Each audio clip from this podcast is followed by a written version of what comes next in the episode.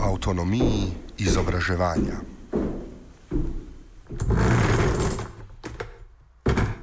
Z gostujočimi komentatorji in komentatorkami vsak ponedeljek ob treh sprevračamo katedro Radia Student. Premislimo izobraževanje pod katedrom. O avtonomiji izobraževanja.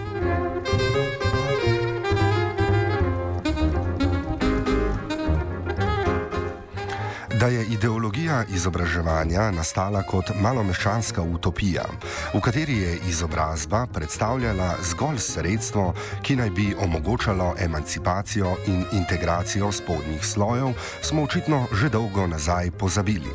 V kontekstu konca tradicije je pozaba razumljiva, ni pa razumljiva s pričo že grotesknih poizkusov razumevanja preoblikovanja izobraževanja v znanje.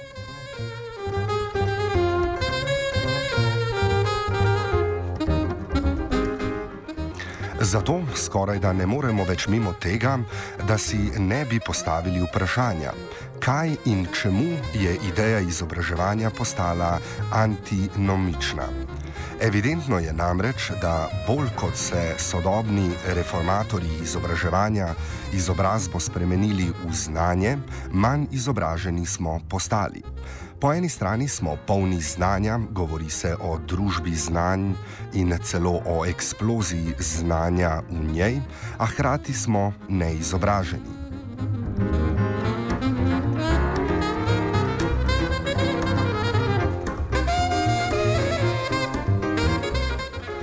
S slednjim merimo predvsem na dejstvo, da se nam vse bolj kaže, kot da smo nezmožni misliti in razumeti sodobne procese.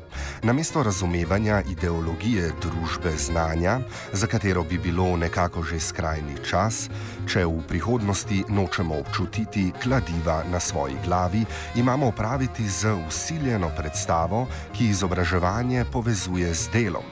Kar je pri tem absurdno, je to, da to predstavo reproducirajo predvsem tisti, ki zase pravijo, da teoretsko reflektirajo sodobno univerzo.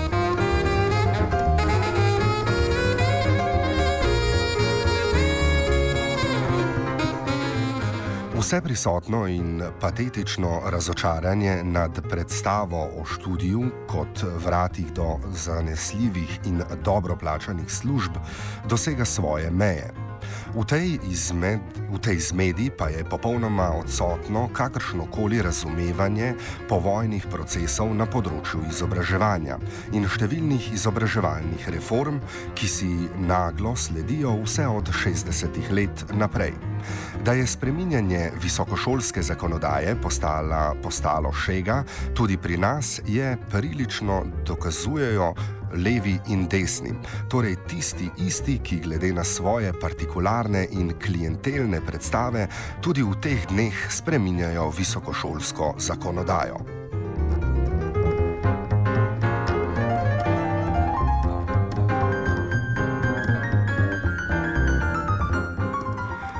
Da se je izobraževanje povsem odtujilo od sveta in je postalo družbeno uporabno znanje, nam torej priča sedanjost. Da tega ne zmoremo ali nočemo izkusiti in da tega ne razsojamo, pa je razmeroma pričakovano, če beremo zapise Adorna o teoriji polizobrazbe in Lismana o teoriji neizobrazbe.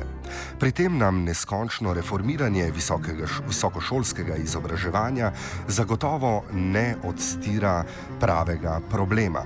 Nasprotno, kot lahko opazimo zadnjih nekaj let, neskončne reforme tega področja kvečemu zastirajo pogled na njih.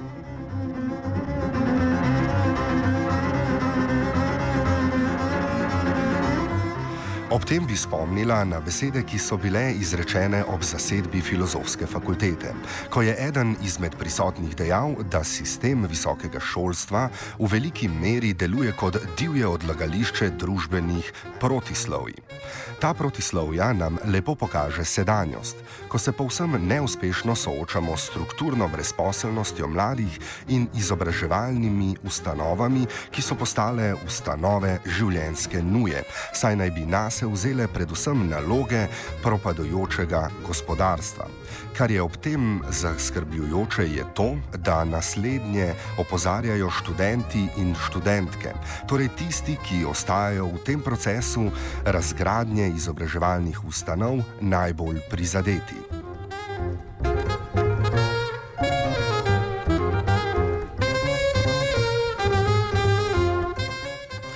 Dejstvo, da vsaj, vsaj velika večina njihovih starejših kolegov, torej univerzitetnih profesorjev in profesoric, ob teh problemih molči, bi pa lahko poimenovali medgeneracijski spor, ki se še ni popolnoma oblikoval.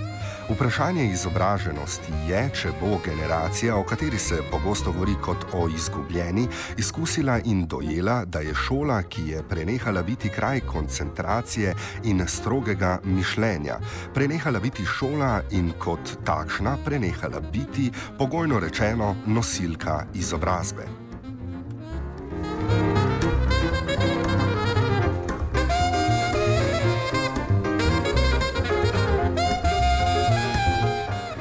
In da odgovornost za to, da je postala prostor življenjske nuje, ter da v njej prevladujejo projekti in žurnalistična govorica, nosijo predvsem tisti, ki naj bi poučevali in ki te dni stojijo v prvi vrsti nasproti spremembam, svojo preračunljivo držo v strahu za lastne zaposlitve, pa v resnici zgolj branijo status quo.